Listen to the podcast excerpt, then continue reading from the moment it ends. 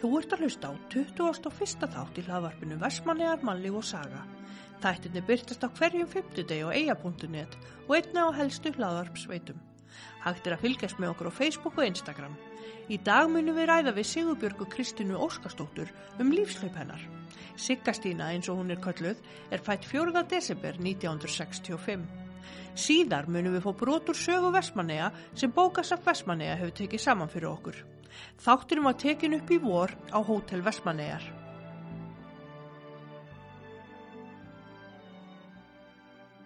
Kondi sæl og blessu Sigga Stína. Blessa og sælana. Ég finna ennú bara ekki með alveg á hreinu hvað þú heitir fullu nafni. Herðu, ég heiti Sigurbjörg Kristín og er Óskarsdóttir. Uh, nafni mitt uh, kemur frá hjónun sem að byggu í húsi sem að heiti Bjarg. Hann heit Sigurður Bjargi, hún Kristín. Og ég fættist í þessu húsi Já, ok. og fekk nafnið þeirra, nafnið þeirra og húsins. Þannig er það. Já, Já, þetta er nú skemmtileg saga. já, já, já, Sigurbjörg Kristín Og hvað erstu fætt? í Víki Myrdal. Já, ok. Dásamt að er svona fallegasti staður fyrir þetta vestmanniðar. Já. Og hvenær fluttur þú til Vestmanneja? Hörðu, 1990, haustið, Og búin að vera hérna síðan? þryggja barnamóðu þegar flyttinga, já, og búin að vera síðan. Já, Alltaf bara verið í eitt ár, já, var í fæðingar alveg, nýbúin egnar spann. Hún var sex mánuða þegar við flyttum hinga já, ok.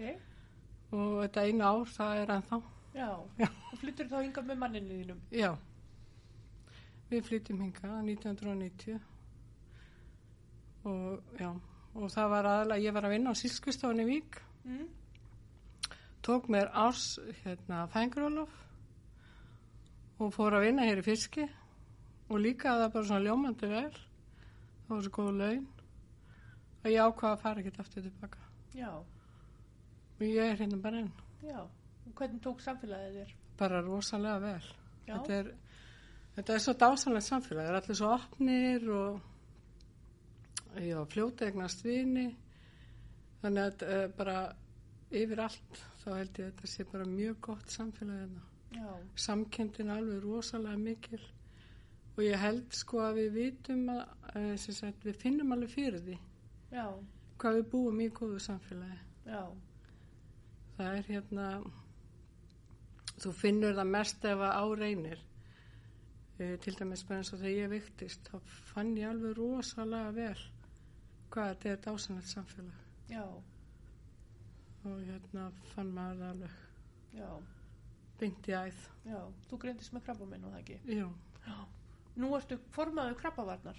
já Hérna, hvernig gengur í, í þeim samtökum?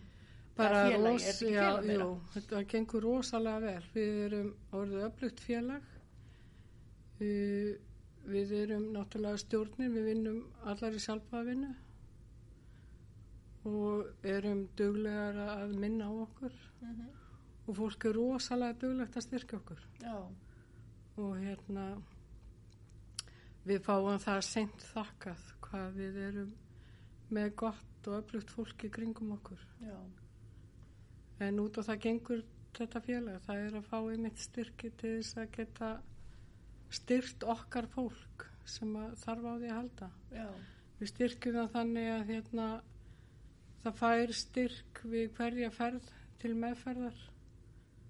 Alveg sama hvað þú ert að fara marga ferðir, þá er 25.000 krónu ferðir. já, vá.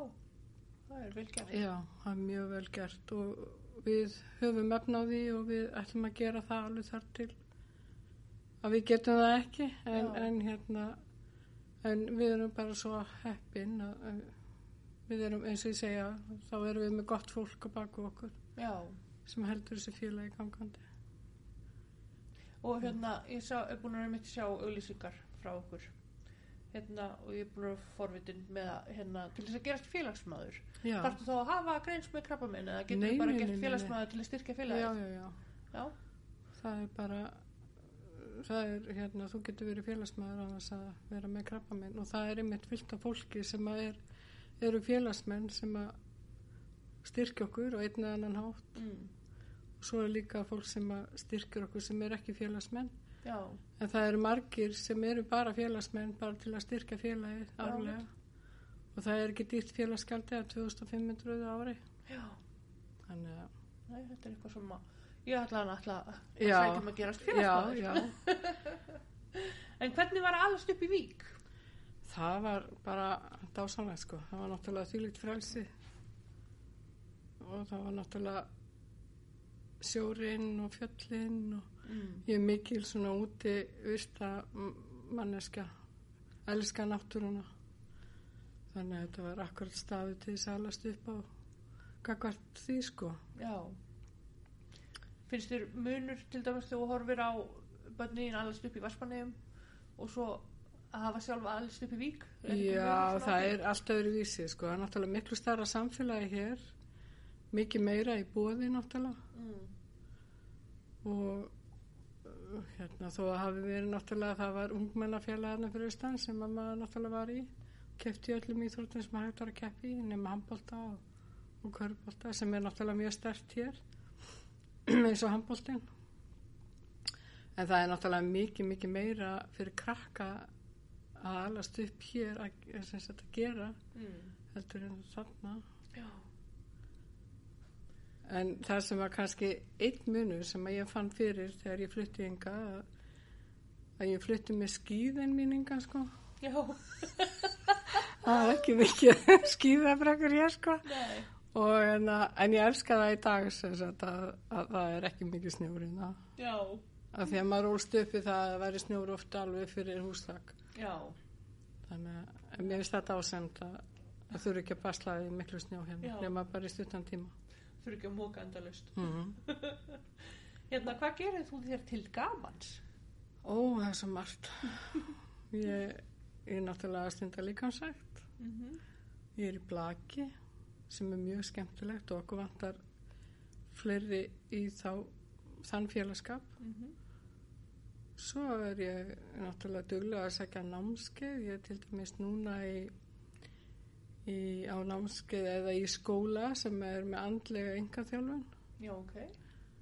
og ég ætla mér að nýta mér það e, í gegnum krabbavörn þannig að það er svo mikið af e, fólki sem leita til okkar Mm.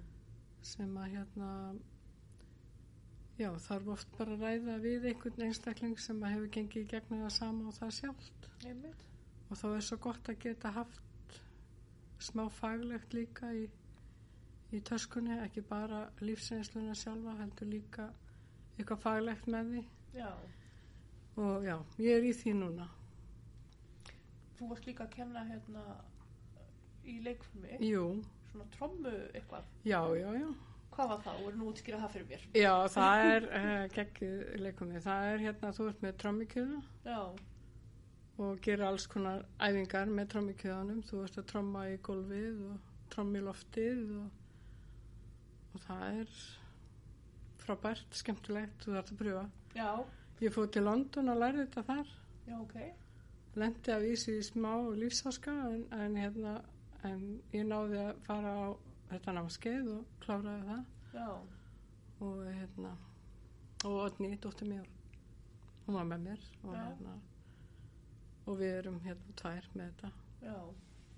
höfum þessa kunnáttu, þekkingu Má ég spyrja hvað lífsáska sagan er? Já, það var hérna e, við vorum bara að vesla fyrir jólin og vorum búin að kaupa ferðartösku fyrir alla jólagjafinnar og vorum að lappa fram, eða sem sagt fram hjá uh, lestagöngunum þegar kemur bara einhver rosa skottkvellur og sprenging og, og hérna og það bara tvistrast upp úr göngunum alveg fleiri, fleiri hundru manns. Og það bara styrlast allt hann í kringum okkur. Og dóttir mín hún bara frýs. Og ég fekk einhvern ofurkraft reif töskuna sem var einhverju dótti og hana og hljópa á stað með náttúrulega fjöldanum. Mm og hérna og við bara hlupum. Og eina sem ég hugsaði var að koma okkur eitthvað í var. Og var samt svona alltaf að líti kringum mig og meðan við hlupum hvert ég gæti farið. Sá það er einhvern lítinn matsölustaf og hljóf þar og þá var maður sem stór í hurðinni og alltaf að stoppa okkur af. Og ég bara mig og kom inn, bara gerði það mig og kom inn. Og Odni, dóttir mín, sagði bara nei, við förum ekki inn. Ef að hriðverkamennir kom bara að hinga inn og skjóta okkur og þetta var bara svo leið sko. Og ég var alveg hérna daldi tíma að reyna að samfæra hana um að koma með mér. Og hérna og ég sagði við hana ef að þeir alltaf skjóta okkur þá byrjaði það á því að gera það úti. Mm. við drefust fyrir úti heldur hérna inni og þannig gæti ég samfært hann um að fá að fara inn eða sérst að fara inn með mér.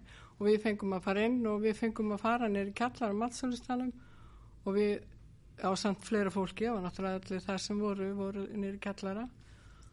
Og þar hérna fundum við inn, innstinn í gangi yfir svona skúringakompi og við tróðum okkur þar. Já, og, og vorum þar þar til að var búið að gefa út að hérna að hætta verðið hjá já. En- Voru þetta þá hriðverkamenn eða? Já, þetta var samt sko hérna ykkur já, þetta var eitthvað svona feik eða eitthvað svoleiði sko Já. en þetta var upplifunin var alveg Já, þannig að þetta var, já, við vissum það ekki og vissið enginn fyrir að lögreglan gaf það út sko Nei, Nei, þetta hefur verið svolítið áfall. þetta var rosa lífsinslega sko algjörlega. svo sáum við náttúrulega bara fólki hlaupa í ringi, þú veist, það var náttúrulega við vorum, virtist vera á greiðu eða eitthvað, þú veist, svona Já, eða geiðu, þú veist, það var eitthvað svona þyrping sem hægt var að fara í, í ringin í kringum. Já, og við sáum fólki bara hlaupa í ringi hérna, hérna. Já, þetta var rosa lífsinsla já, svo ferðumst við með rútu á þann stað sem við áttum að fara og taka þetta námskeið og við vorum ekki komin að þanga fyrir að því að við náttúrulega komist ekki á þeim tíma sem við ætluðum. Já, þurftum að fresta ferðina þar til um kvöldi þegar við fengum lifi til þess að fara og við vorum komnar eitthvað fjögur í nóttina á hótelið og vorum mættar á þetta námskeið klukkan aftur morgunni já, ok. og það vissu allir þá sem sagt hvað hafi gerst og, og að við hefum verið þarna. Og það var þvílíkt til því tekið til okkar og þetta var útrúlegt sko. já, þannig að þetta var mjög svona já, upplifið sér já, þetta er svolítið eitthvað sem maður upplifir ekki á hverjum degi, Nei, nei. og maður finnir það einmitt það er eins með þetta eins og með kannski að lenda í ykkur eins og ég gerði með krabbaminnið maður átt að sjá því þegar maður lendir í ykkur svona og maður hefur ykkur svona aðeins meiri kraft heldur maður reikna með. Já, aðeins meiri svona trú á sjálfum sér. Já, mm. algjörlega. Þetta er nálega ótrúlegt. já, þetta var Þetta er eitthvað sem ég vissi ekki. Nei, en það kannst þú ekki vita Nei, en hvað er, já, þú sérst að taka þetta námskeið núna, sérst í, já, nám, í rauninu já, bara í námi. já, Og ertu að gera eitthvað meira með því, eða? Já, ég, ég er líka hérna í svona orkupunktajöfnun. Já, Er, uh, það er bara hefur gengið illa út af þessu COVID-i og svolítið síðan ég byrjaði því en við hefum ekki getað heist þannig að en ég er semst í því og svo er ég náttúrulega að æfa golf og er að læra hjá Kalla með golf og álega að gera? já, ég reyna að gera eins mikið og ég get. Já, Vakna snemma fyrir sent að sofa nýti daginn vel. já, ekki missa neinu í lífinu. nei. en hérna, hvað er stærsta prakkarastriki sem þú hefur gert? Ætla það sé ekki bara fyrsta dótturinn. Ég hugsa það. Það sé svona stærsta brakkastekja sem ég ger. Já, Það er nú verið, kannski. en hefur þið ráðleggingar fyrir fólk sem allir dæmis greinist með krabba minn, hvernig það bara að tækla það? Það er eiginlega ekki hægt að gefa kannski ráða því að það, þetta er svo, fólk upplifir þetta á svo misjaflegan hátt. Mm. Sko þegar ég greindist með krabba minni þá voru 50% líkur að ég myndi lifa og 50% líkur að ég myndi deyja. Mm og þegar að maður fær svoleiðis að þá hérna, fyrst, fyrst viðbröðu mín voru hérna þegar við settist upp í bíl ég og maður minn að þá hérna voru við búin að vera með ágreiningsmál.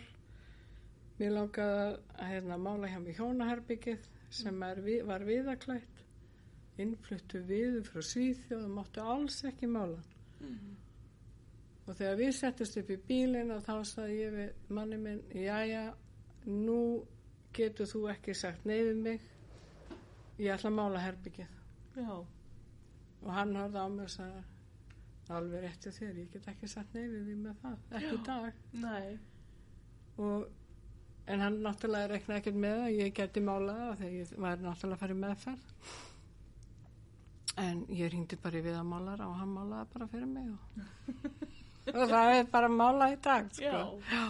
Og er hann sáttu við það í dag? Já, já, já, já. Hann er sátt við allt sem ég geri, Já. allt, all sem mitt eftir í hug, Já. hann stendur alltaf í baki að mér. Er það ekki sagt að þú er svolítið duglega að hérna, taka gamla hluti og breyta og bæta og... Jú, jú, ég er alveg í því og ég, Já. já. Ég er, eins og ég segi, ég, mér finnst rosa gaman, ég, hérna, mér finnst rosa gaman að gera eitthvað með höndunum. Ég hef verið að bæða að gera upp gamla hluti og mála og, og hérna, og var, fór að námskeið hjá Benno hérna árum áður og ég fór líka námskeið hjá hann Bjarnar Ólafi með kólatekningar og mér finnst það mjög skemmtilegt líka. Þannig að ég tek, gert ímislegt sko Já. og allt skemmtilegt. Ég reyna að vanda mér rosalega mikið við að gera allt skemmtilegt. Já.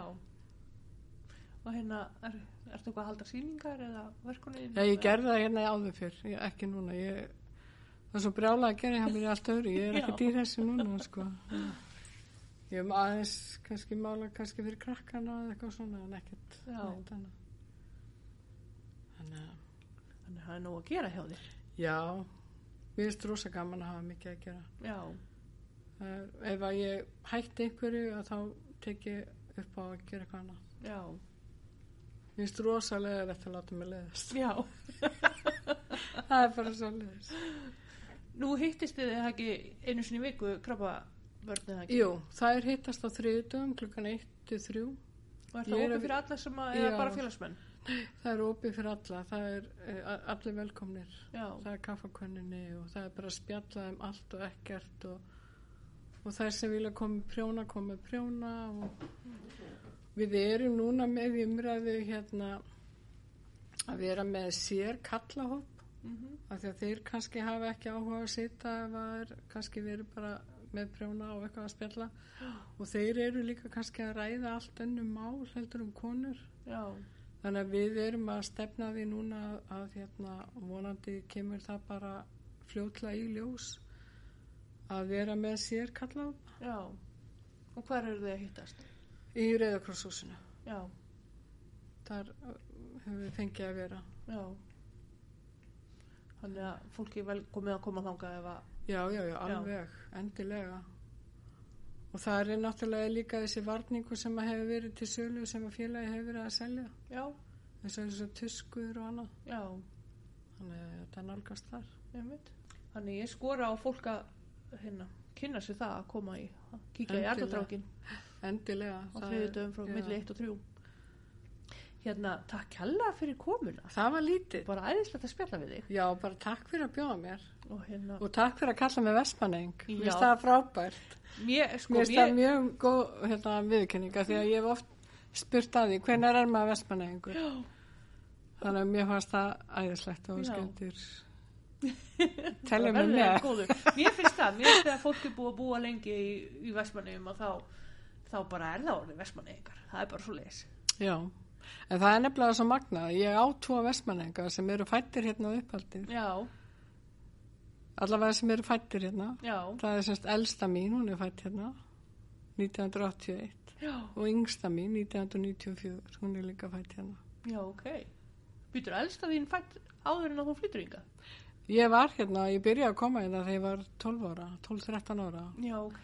Þá byrjaði ég, þá hérna flutti ég hingað með sýstina mömmu og fjölskylduna hennar og við byggum hérna í gámanum veist við sundleg. Já, Þannig að ég hef búið í svona gám já, og hérna og svo var ég að vinna hjá Óskari gamli Nöf já, ok. var að vinna með Svenna Matt og Óskari Þór og Gilva og, og hérna Viðari og þeim öllum já, þannig að og tótt og enda og það var dásalegt tímabil Já. vorum í saltfiski og skreið og öllu því. Já. Þannig ég byrjaði að koma þetta 12-13 ára og þá var ég að passa fyrir hana sko, eða þau Já, og svo fór ég út í það að vinna í saltfiski.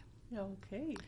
Svo hérna uh, verði ég ófrísk, barn ung, kem hinga og er í framháskólanu hér, Já. ófrísk Já, og á hana hér.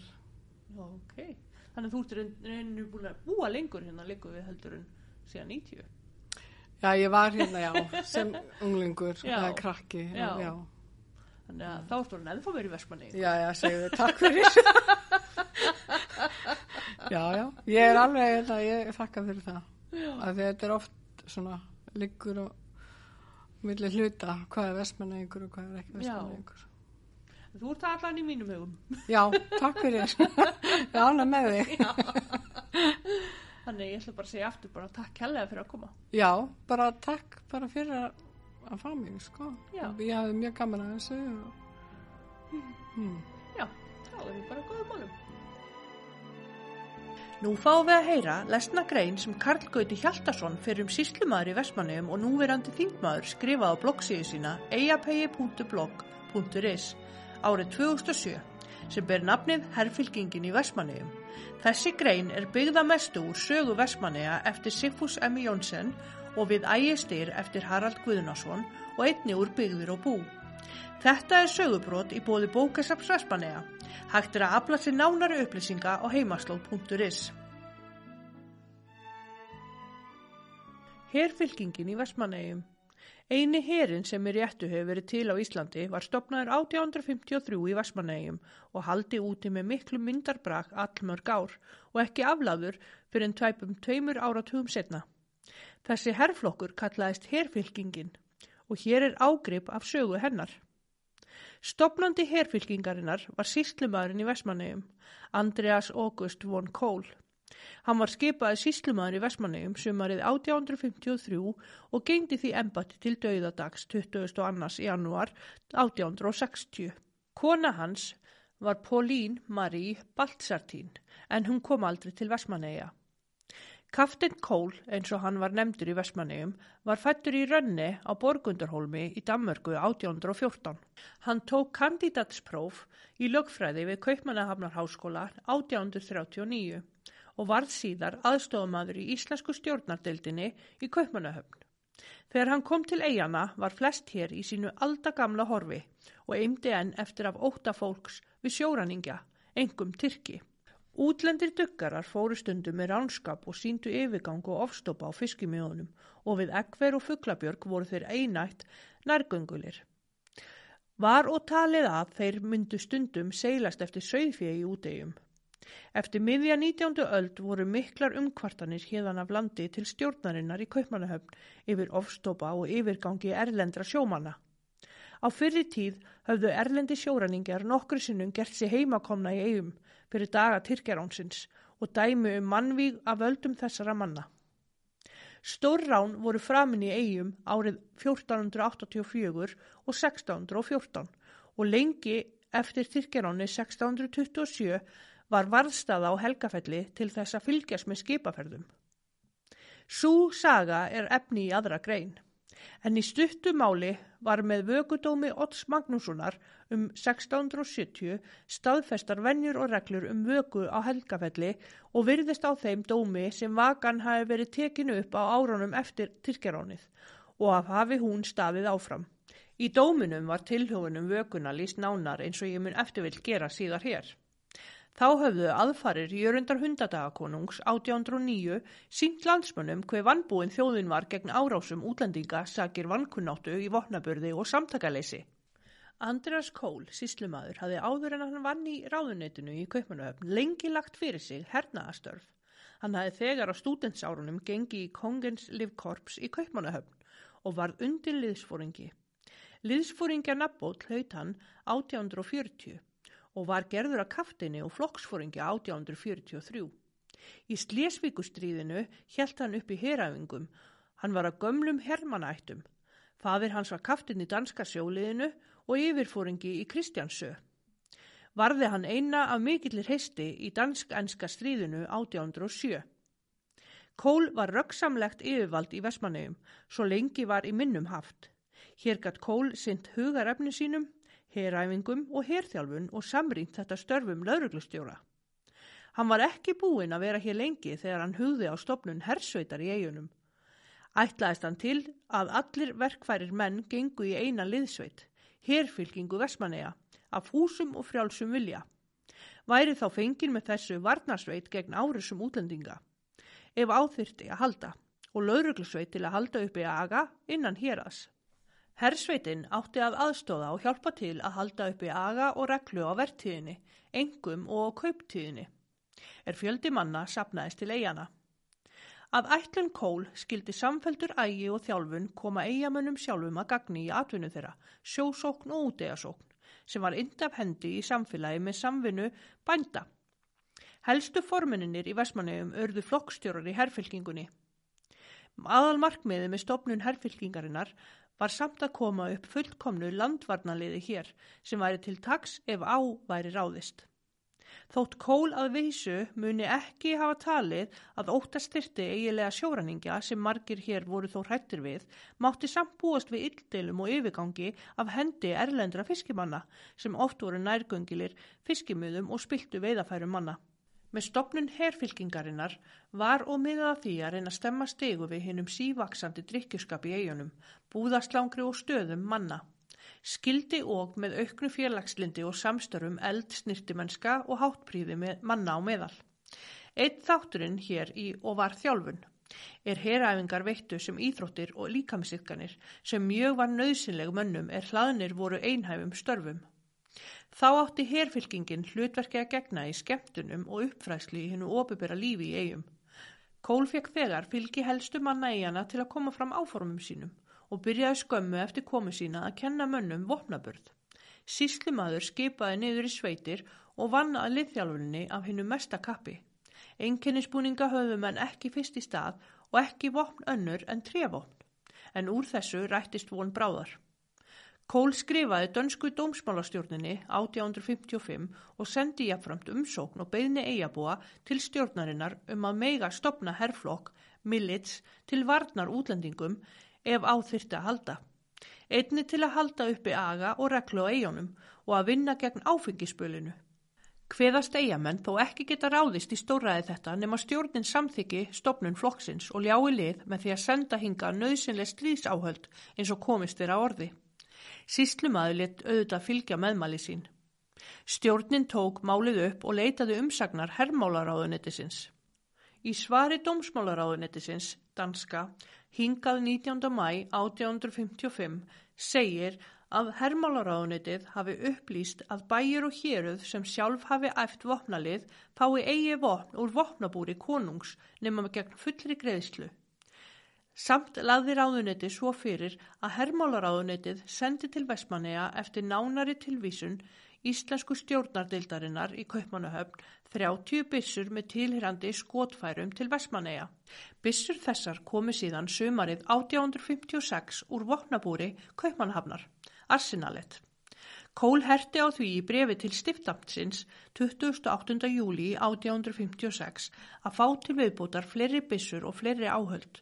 Til dæmis fimm korða handa yfirmönnum hersveitarinnar, bumbu og margt fleira er sveitin gæti ekki án verið.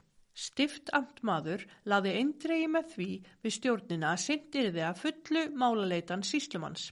Með konungsúrskurði 29. júli 1858 var ákveðið að 200 ríkistalir af 4000 ríkistala framlægi til óvissra útgelda skildi veita til Vestmanneja til þess að vopnabúa herliði þar. Þessi síðari vopnasending kom frá Kaupmannahöfn í september 1858. Átti nú herfylkingin 60 fótgönguleysbössur, rifla með stingjum og nokkra korða og margskonar önnur áhöld, svo sem leðutöskur. Herfylkingunni bárust og gafir frá einstökum mönnum, fánastöng og silkifáni og gaf síslumadur sjálfur ímsa muni. Árið 1857 var herfylkingin komin fyllilega á stopn voru þá samta reglur fyrir hana og segir þar að aðal tilgangurinn sé að veita viðnám og hinda af sér árásum útlendinga og einni til að hjálpa til að halda upp í reglu og aga hér. Ítalega reglur voru settur um reglusemi og stundvísi leismanna herfylkingarinnar, en of langt mál að geta þeirra hér. Til glöggvunar á stærð og umfangi herfylkingarinnar var hún skipuð þessum árið 1859. Yfir fylkingastjóra sem var síslumadur sjálfur. Yfir liðsfóringja, liðsfóringja, yfir flokksfóringja, fánabera, tveimur bumbuslögurum, fimm drengjum og síðan voru fjórir herrflokkar, hver þeirra með þremu deildum en fimm menn voru í hverri deild, auk drengjasautar með tveimur sjödrengja deildum.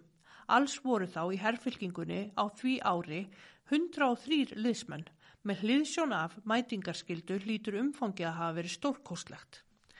Eftir lát kaftinskól 1860 var herrfylkingin starfrækt áfram um nokkru ára skeið en af ymsum ástæðum var fylkingin smám saman þunnskipaðri en af heimildum á ráða að hún hefur ennveri við líði 1868 en loknast út af á árunum þar á eftir. Áhrifa herrfylkingarinnar gætti lengi hér í eigum, reglu sem hefði stórlagast og íþróttið gunjókst. Stopnun herrfylkingarinnar hleyfti miklu fjöri í skemmtana og félagslíf hér. Skemmti samkomur voru þá haldnar árlega í Herjólsdal, svo ekki eru þær alveg nýjara nálinni í dalnum, en þar var helsta æfingarsvæði herfylkingarinnar. Þar sem liðsmenn hennar æfðu ýmsar íþróttir og urðu æfingar hennar þar eftir vill til þess að skömmu síðar eða 1874 var haldinn fyrsta þjóðatíðin í dalnum.